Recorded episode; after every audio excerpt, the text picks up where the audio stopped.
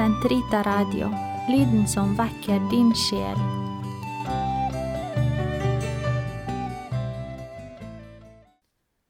Den katolske kirkes katekisme, uke 30, onsdag 527-534.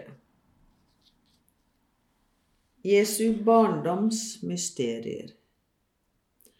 Jesu omskjærelse åtte dager etter fødselen er tegn på at han tilhører Abrahams ett, paktens folk, at han går inn under loven og får ta del i Israels gudsdyrkelse, noe han gjorde livet igjennom. Dette tegnet er et forvarsel om Kristi omskjærelse, som er dåpen, Kolosserne 2, 11-13. Til epifani åpenbares Jesus som Israels Messias, Guds sønn og verdens frelser. Epifani er feiringen av at Jesus tilbes av de vise menn fra Østen, Matteus 2,1, og av Jesu dåp og bryllup i Kana. I disse vise menn, magoi, som står for de hedenske religioner i omverdenen, ser evangeliet førstegrøden av folkeslagene som tar imot det glade budskap om frelsen gjennom inkarnasjonen. Når de vise menn kommer til Jerusalem for å hylle jødenes konge, Matteus 2,2, viser dette at det er i Israel i det messianske lys fra Davids, Davids stjerne de søker ham som skal bli folkeslagenes konge.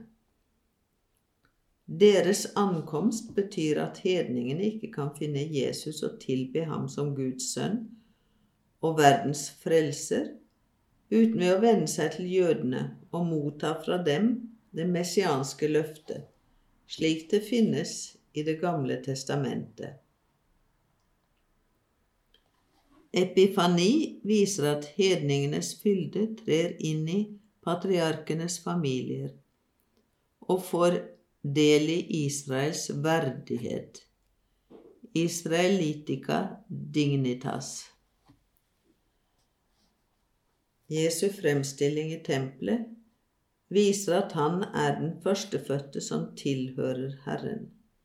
Sammen med Simeon og Anna er det hele Israels forventning som går sin frelser i møte. Møte kalles også denne begivenheten i den bysantinske tradisjon.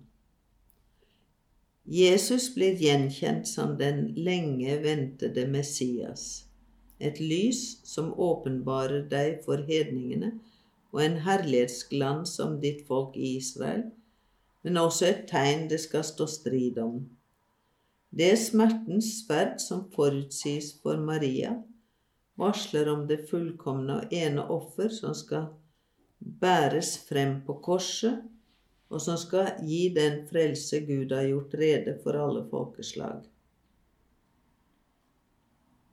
Flukten til Egypt og mordet på de uskyldige barn viser mørkets kamp mot lyset.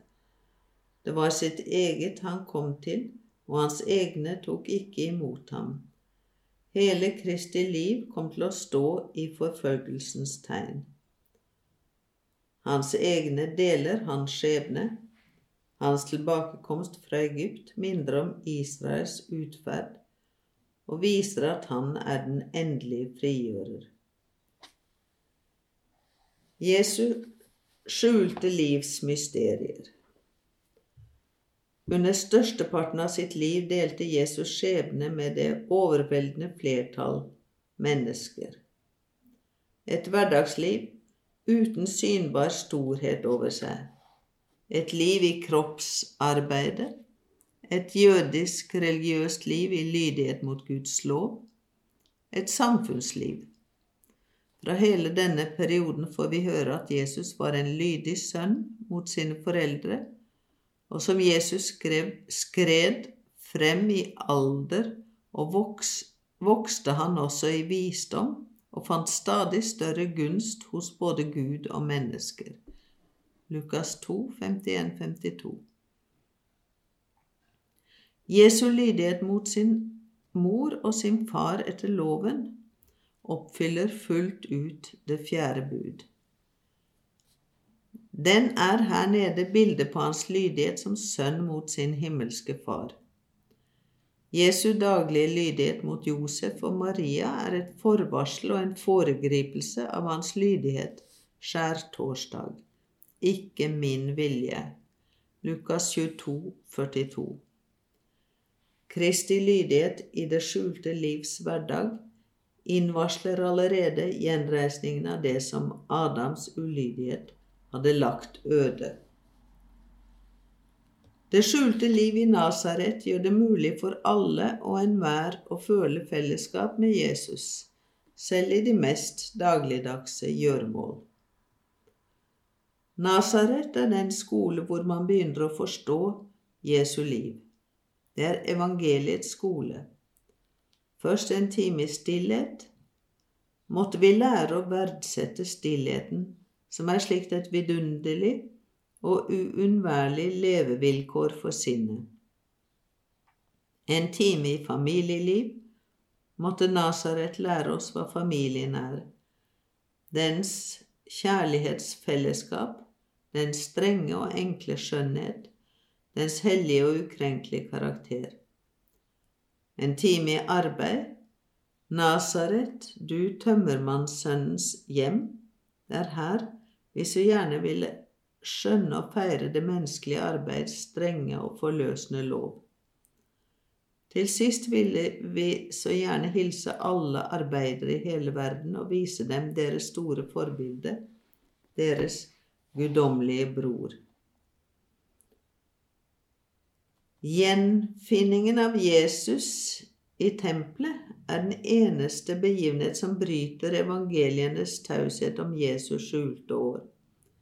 Jesus antyder her det mysterium at han er helt viet den oppgave han har som Guds sønn. Visste dere ikke at jeg hørte til der hvor min far er? Maria og Josef forsto ikke det han sa, men de tok imot det i tro. Og Maria gjemte minnet om alt dette i sitt hjerte gjennom alle de år da Jesus levet bortgjemt i hverdagslivets tause tilværelse.